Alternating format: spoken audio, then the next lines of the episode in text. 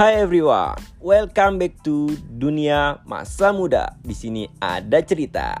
Masih dengan gua Aditya. Gimana kabar kalian? Gue berharap di mana pun kalian berada, tentunya kalian dalam kondisi yang baik, sehat walafiat. Oke, kita lanjut setelah episode yang lalu kita telah membahas resiko menikah muda. Kali ini kita akan membahas dan mengulik tentang friendzone. Sesuai dengan judul episode kali ini, tidak lupa juga karena hari ini bertepatan dengan Hari Raya Idul Adha, saya ingin mengucapkan selamat Hari Raya Idul Adha untuk teman-teman muslimku. By the way, kita ngomongin masalah friendzone nih. Teman-teman semua udah tahu belum artinya friendzone itu apa? Ya sudah pasti tahu lah ya. Secara anak muda sekarang smart people guys tapi tetap ini jadi kewajiban gua untuk memberitahu kalian yang belum tahu. Friendzone itu secara istilah dan harfiah itu zona pertemanan, ya guys. Banyak merujuk ke kondisi di mana pertemanan antara si cewek dan si cowok itu ada salah satu ketertarikan seksual yang menyebabkan hubungan pertemanan kita itu nggak sehat.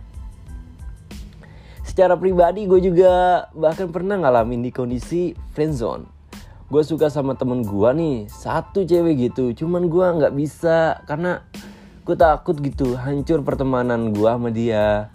Bahkan sama teman-teman gue yang lainnya. Ada suatu saat gue tuh pernah ngungkapin perasaan gue ke dia.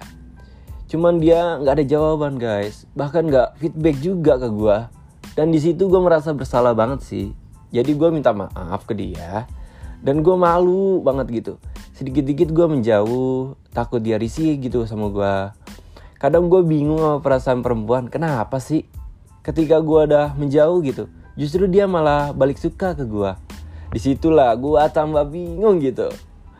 Dan itu pun gue baru tahu ya dari teman-teman gue yang ngomong langsung ke gue gitu bahwa dia tuh cemburu sama gue karena deket sama temen cewek yang lain.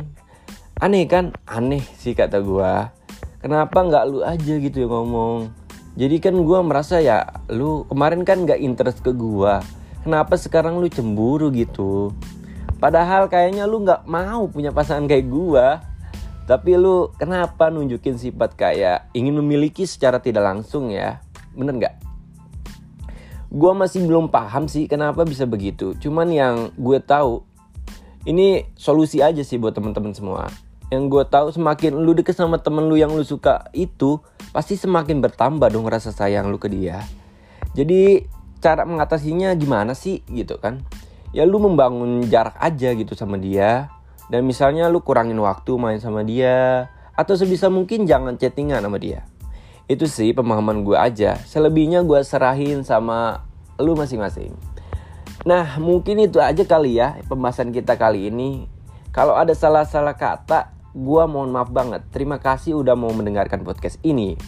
Kalau teman-teman punya saran atau tips yang lebih menarik, bisa kalian salurkan lewat akun Instagram gua di @aditya underscore pratama 2. Kurang lebihnya mohon maaf ya. Jangan lupa follow, like, comment, dan share channel podcast ini. See you next episode. Bye.